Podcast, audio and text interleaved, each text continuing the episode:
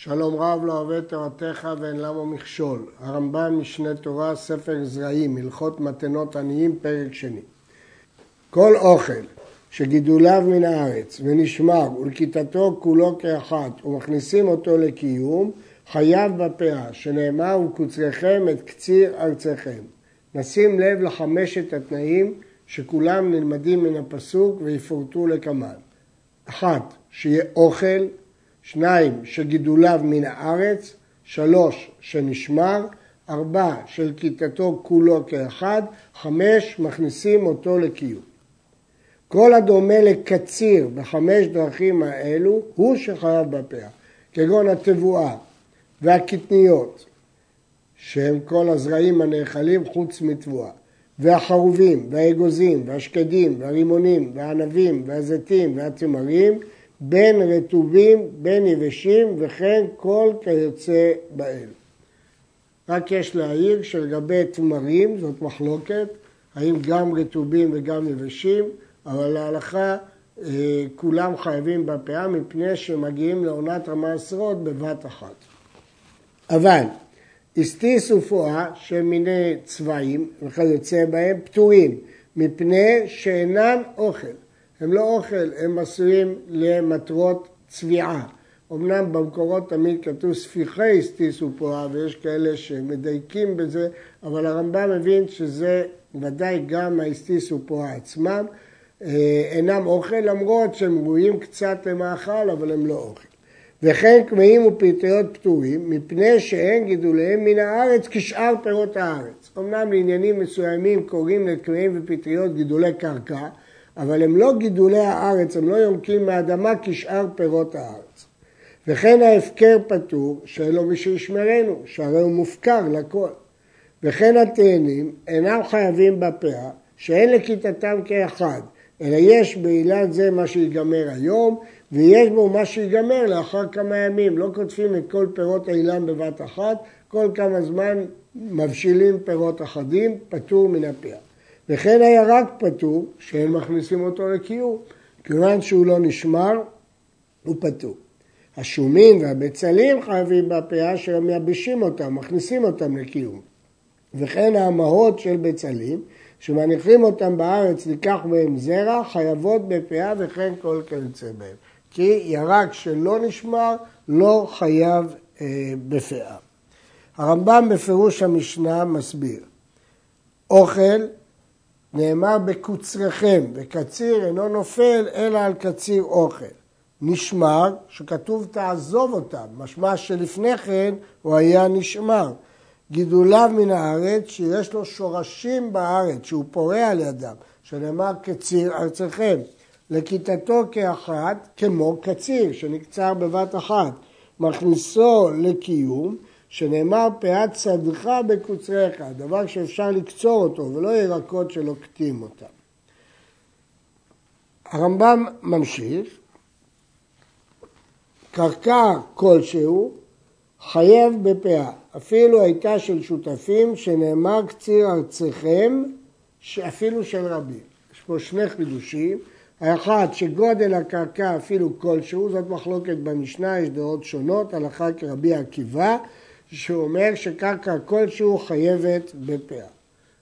חידוש שני, שאפילו של שותפים כתוב קציר ארציכם, לשון רבים. שדה שקצרו הגויים לעצמם, לא בתור פועלים של בעל הבית יהודי, אלא קצרו אותה לעצמם, או קצרו הליסטים, או כרסמו הנמלים, שברו אותה הנמלים, או שברתה הרוח או בהמה, הרי זו פטורה מן הפאה, שחובת הפאה בקמה. חובת הפאה בשעת הקמה, ואם הקצירה הייתה על ידי גויים לעצמם, או על ידי ליסטים, או על ידי נמלים, או על ידי רוח, הרי שאין קמה, ממילא אין חיוב פאה. קצר חצייה, וקצרו הליסטים חצייה שנשאר, הרי זו פטורה. מדוע? שהחיוב בחצי שקצרו הליסטים, הרי אמרנו שהחיוב של פאה הוא בסוף שדהו. ממילא החיוב הוא בחצי שקצרו הליסטים ולכן היא פטורה. אבל אם קצרו הליסטים חציה וחזר הוא וקצר השאר, נותן פאה לשיעור מה שקצר. כיוון שהוא האחרון, אצלו יש חיוב פאה, אבל כמובן רק למה שקצר, הוא לא חייב לתת על הליסטים. קצר חציה ומכר חציה, הלוקח נותן פאה לכל. פה הלוקח חייב לתת פאה על הכל. מדוע? אם ידע הקונה שכבר נקצר חציה, אז הוא חייב בלי ספק לתת פאה על כל השדה, כי הוא לא יכול למכור מתנות עניים, וכאילו לא מכר לו אלא מה שנשאר אחרי הוצאת הפאה. ולכן ברור שהקונה אה, לא קנה. ואם לא ידע הלוקח, כותב מרי קוקוס שמנקה לו מן הדמים, אבל ברור שאדם לא יכול למכור את החלק של העניים. קצר חציה והקדיש חציה, הפודה מן הגזבר נותן פאה לכל. קצר חציה והקדישו, הרי זה מניח מן השאר פאה ראויה לכל. ההקדש פטור מן הפאה. לכן אם הוא קצר חציה והקדיש חציה, אז בשעה שזה אצל ההקדש זה פטור, אבל הפודה מיד הגזבר הוא נותן פאה לכל כמו לוקח שנותן פאה לכל. קצר חציה והקדישו, אז המקרה הזה בוודאי שהוא מניח מן הנשאר פאה ראויה לכל. הרמב"ם השמיט מקרה אחד, קצר חציה ומכר את הקצור. גם פה הוא נותן מן המשויר על הכל. כרם שהיה בוצר ממנו ענבים למכור בשוק, ובדעתו שיניח שאר לגת לדרוך אותו. זה פירוש מיוחד של הרמב"ם בדברי המשנה. יש לו כרם שעיקרו הוא מניח לגת, לעשות יין, אבל הוא רוצה למכור חלק מהענבים טריים. אם היה בוצר לשוק מכאן ומכאן, הרי זה נותן פאה למה שבוצר לגת כפי הנשאר. מדוע? כי מה שהוא בצר לשוק לא נחשב בצירה חשובה, אלא בצירת עראי. ואם היה בוצר לשוק מרוח אחת בלבד, הרי זה נותן פאה מן הנשאר כפי הראוי לכל הכרם. הואיל ובצר מרוח אחת אינו כבוצר עראי מעט מכאן ומעט מכאן שהוא פטור. אם משהו מוליך לשוק זה מעט מכאן ומעט מכאן, זה עראי, הוא פטור. ואז הוא חייב רק על מה שנשאר לגב. אבל אם חלק מסוים, רוח אחת, הוא בוצר כדי למכור בשוק, אז ברור שזה לא ארעי, זה קבע, ואז ממה שהוא נשאר הוא צריך לתת פאה לכל. וכן הכותב מלילות מעט מעט ומכניס לביתו, אפילו כתב כן כל שדה הוא פטור מן הלקט ומן השכחה ומן הפאה. מדוע? כיוון שזה מעט מעט, כיוון שזה לא קצירה של קבע. זה אה, ארעי, הוא כתב את ראשי השיבולים, הוא לא תלש ממש את כל השיבולים, אלא הוא כתב כיתוב, כלומר כיתוב זה לא כמו תלישה, הוא כתב רק את ראשי שיבולים בשביל מלילות ולכן הוא פתור. הקוצר, כל שדהו, קודם שתיגמר, ועדיין לא הביאה שליש, היא לא הגיעה לשליש הגידול שלה, הרי זו פטורה, אין לזה שם קציר, כל עוד זה לא הגיע לשליש הגידול. ואם הגיעה לשליש, חייבת. וכן בפירות האילן, אם נגמרו שליש גמירתם, חייבים. המקדיש את שדהו והיא קמה, ובדיה כשהיא קמה, חייבת בפאה, כי הקמה חייבת בפאה. קצרה הגזבר ואחר כך בדיה פטורה, שבשעת חיוב הפאה הייתה קודש שאינו חייב בפאה. כיוון שבשעת הקצירה היא הייתה שייכת להקדש, וההקדש פטור מן הפאה, אז כבר השדה נפטרה מן הפאה.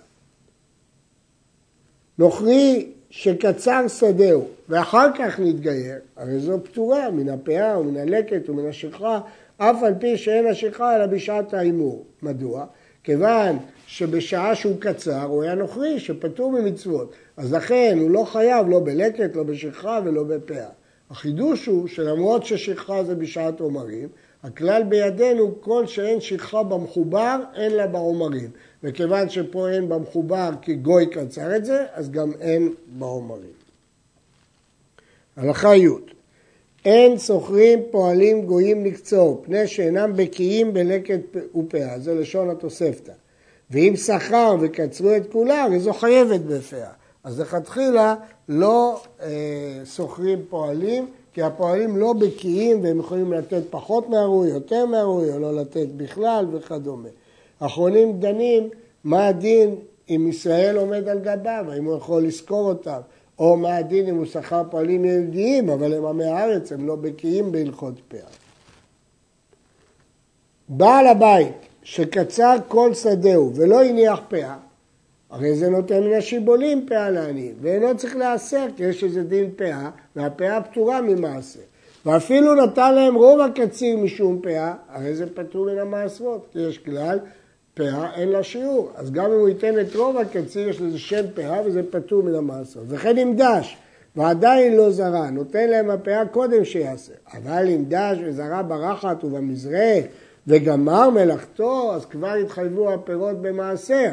מעשר, ואחר כך נותן להם מן הפירות המאוסרים, שהוא פאה ראויה לאותה שדה וכן באילנות. הוא חייב קודם להיאסר כי זה כבר התחייב במעשר, אבל הוא חייב לתת להם פאה בכמות כזאת שהייתה ראויה לתת לשדה. כלומר, הוא לא יכול להתחשב במעשר שהוא נתן. כלומר, הוא חייב להיאסר כי לפירות יש את אבל, אבל העניים לא יפסידו מכך. הוא ייתן להם פאה לפי מה שהייתה השדה ראויה אם לא היה מעשר. י"ב אין מניחים את הפאה אלא בסוף השדה, כדי שיהיו העניים יודעים מקום שיבואו לו, וכדי שתהיה ניכרת לעוברים ושבים ולא יחשד, ומפני הרמאים שלא התכוון לקצור הכל, ואומר לאלו שרואים אותו, קוצר את סוף השדה, בתחילת השדה הנחתי. ועוד, שלא ישמור שעה שאין שם אדם, יניחנה ויתננה לעני הקרוב לו. אז יש פה כמה טענים שונים, כולם כתובים בגמרא, מפני מה שמים את הפאה בסוף השדה, כדי שהעניים יודעים, כדי שתהיה ניכרת, מפני החשד וכפי שראינו. עבר והניח הפאה בתחילת השדה או באמצעה, הרי זו פאה. למרות שלכתחילה צריך לתת בסוף השדה, אבל אם הוא עבר ונתן בתחילה, זה חל. וצריך שיניח בסוף השדה כשיעור הפאה הראויה למה שנשאר בשדה אחר שהפריש את הראשונה. למרות שאמרנו שהפאה חלה בתחילת השדה או באמצעה, אומר רבי שמעון במשנה והרמב"ם פוסק כמוהו, שהוא חייב להניח עוד פאה בסוף, אבל הוא לא חייב להניח פאה על הכל, אלא רק על המקום שהוא שיער. בעל הבית שנתן פאה לעניים, ואמרו לו, תן לנו מצד זה, ונתן להם, זו וזו פאה. כיוון שהוא התכוון ששניהם יהיו פאה, אז שתי, שני החלקים פאה ושניהם פטורים מן המעשרות. לכן בעל השדה, שהפריש פאה ואמר הרי זו פאה וגם זו, אז הוא הפריש פעמיים פאה, הכל חל על זה שם פאה וזה פטור ממעשר.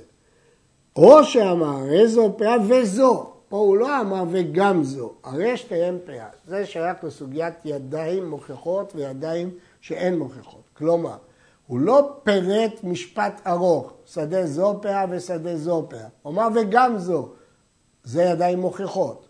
ואם הוא אמר וזו, זה ידיים שאינן מוכיחות.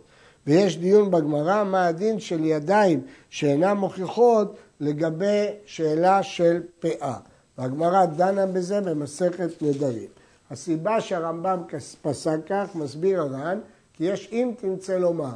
אם תמצא לומר, יש יד לפאה, האם יש יד לצדקה. אבל יש דיון, האם הרמב"ם פוסק כי אם תמצא לומר, כמו כלל הגאונים, רק שכתוב בגמרא הלשון של אם תמצא לומר, או אפילו אם לא כתוב בגמרא הלשון של אם תמצא לומר. ולכן יש אומרים שהסיבה שהרמב"ם פסק כך זה לחומרה. כיוון שזה נשאר בספק, הרמב"ם פסק במתנות עניים לחומרה. אסור לפועלים לקצור את כל השדה, אלא מניחים בסוף השדה כשיעור הפאה. גם אם בעל הבית לא אמר להם כלום, אסור לפועלים לקצור את השדה. הם, למרות שזה לא שדה שלהם, זה אסור. ואין לעניים בה כלום, אם הם לא קצרו כי זה אסור, אלא הניחו, אין לעניים בה כלום, העניים לא יכולים לקחת שיפרשנה בעל הבית מדעתו.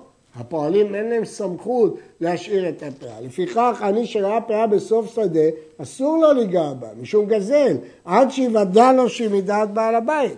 אמנם, ברור שהפועלים חייבים להשאיר, אבל עד שבעל הבית לא יחליט שהוא רוצה להשאיר, הרי זה גזל ביד עניים, לכן העני צריך לוודא שאכן בעל הבית רוצה לתת.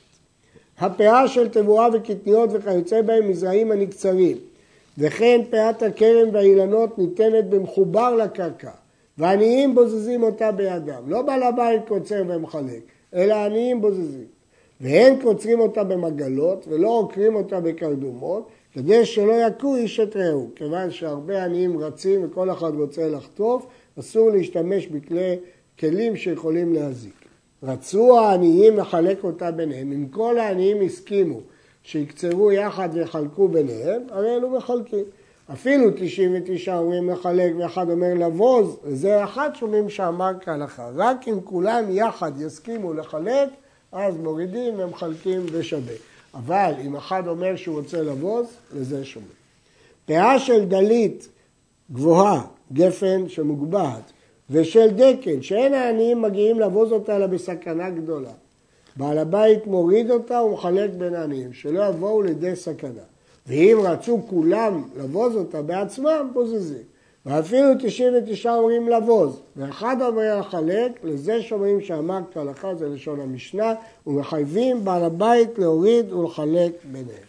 כיוון שזה מסוכן, ואם יש מי שדורש לחלק, אז בדלית ודקל הוא צודק, בעל הבית יורד וחלק. מה שאין כן בשאר האילנות, ששם ההפך, אפילו שאחד אומר לבוז, שומעים לו.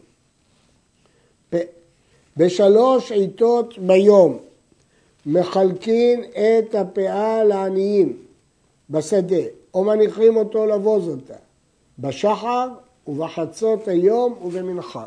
יש שלושה עיתים קבועים, בשחר, בחצות ובמנחה. ועני שבא בלא זמן זה, אין מניחים אותו ליטול, כדי שיהיה עת קבוע לעניים שיתקבצו בו כולם ליטול, לא רוצים שעניים יתבטלו כל היום. לכן קבעו זמנים ואסור לבוא בזמן אחר. ולמה לא קבעו עת אחת ביום? מפני שיש שם עניות מניקות שצריכות לאכול בתחילת היום. ויש שפרשו שהילדים שלהם ישנים בשעה הזאת. ויש שם קטנים שאינם נאורים בבוקר ויגיעו לשדה עד חצי היום. ויש שם זקנים שאינם מגיעים עד המנחה. לכן מפני זה קבעו שלושה מועדים שיהיה ברור לכולם. עני שנטל מקצת הפאה וזרק על השער, או שנפל עליה, או שפרסת ליטו עליה, כונסים אותו ומעבירים אותו ממנה. ואפילו מה שנטל לוקחים אותו מידו ויינתן לעני אחר. וקנס שכונסים אותו, לוקחים מידו ומעבירים לעני אחר, זאת שיטת רבי מאיר במשנה, והרמב"ם פוסק שאין חולק, שכונסים אותו ולוקחים ממנו ונותנים לעני אחר. הגמרא שואלת, הרי ארבע אמות של אדם קונות לו, אז אם הוא הגיע לשטח של ארבע אמות, מדוע הוא לא זכה? אומרת הגמרא, כי הוא גילה דעתו שהוא לא רוצה לזכות בארבע אמות, אלא בנפילה, ולכן הוא לא קונה, כי נפילה אין קניין כזה. מי שלקט את הפאה ואמר, הרי זה לאיש פלוני העני. אם אני הוא זה שליקט, מתוך שזכי בא לעצמו, זכי בא לאותו פלוני, מגודל זכי לנפשי, זכי לחברי, הרי הוא יכול לזכות לעצמו, אז הוא יכול לזכות גם בשביל מישהו אחר. ואם עשיר, אז הוא לא יכול לזכות לעצמו. לא זכה לו, אלא יתננה לעני שנמצא ראשון. הוא לא יכול לזכות בשביל מישהו אחר, כיוון שאין לו זכות בעצמו ללקוט. יש דעת תנאים, רבי אליעזר, שהואיל ויכול להפקיר את נכסיו ולהיות עני, יכול לזכות. אבל חכמים אומרים, לא אומרים פעמיים מיגו. גם הוא יכול להפקיר, וגם מתוך שזוכה לעצמו זוכה לאחרים. אלא רק אם הוא ממש עני, מתוך שיכול לזכות לעצמו, זוכה לאחרים. רש"י אומר שמדובר דווקא באחד מן המלקטים, אבל בעל הבית בשום מקרה אינו יכול לזכות בפאה בשביל עני. וכן מסתבר, וכן מורה לשון הרמב"ם פה, שאומר מי שליקט, לא בעל הבית בעצמו. בעל הבית שהניח פאה לעניים אלו העומדים לפניו, ובא עני אחר ונטלה, הקדים עני אחר ונטל, זכה בה, שאין העני זוכה בלקט שכחה ופאה וסלע של מציאה עד שיגיעו לידו. כיוון שזה עוד לא הגיע לידו, למרות שזה היה מיועד לו, הוא לא זוכה את זה.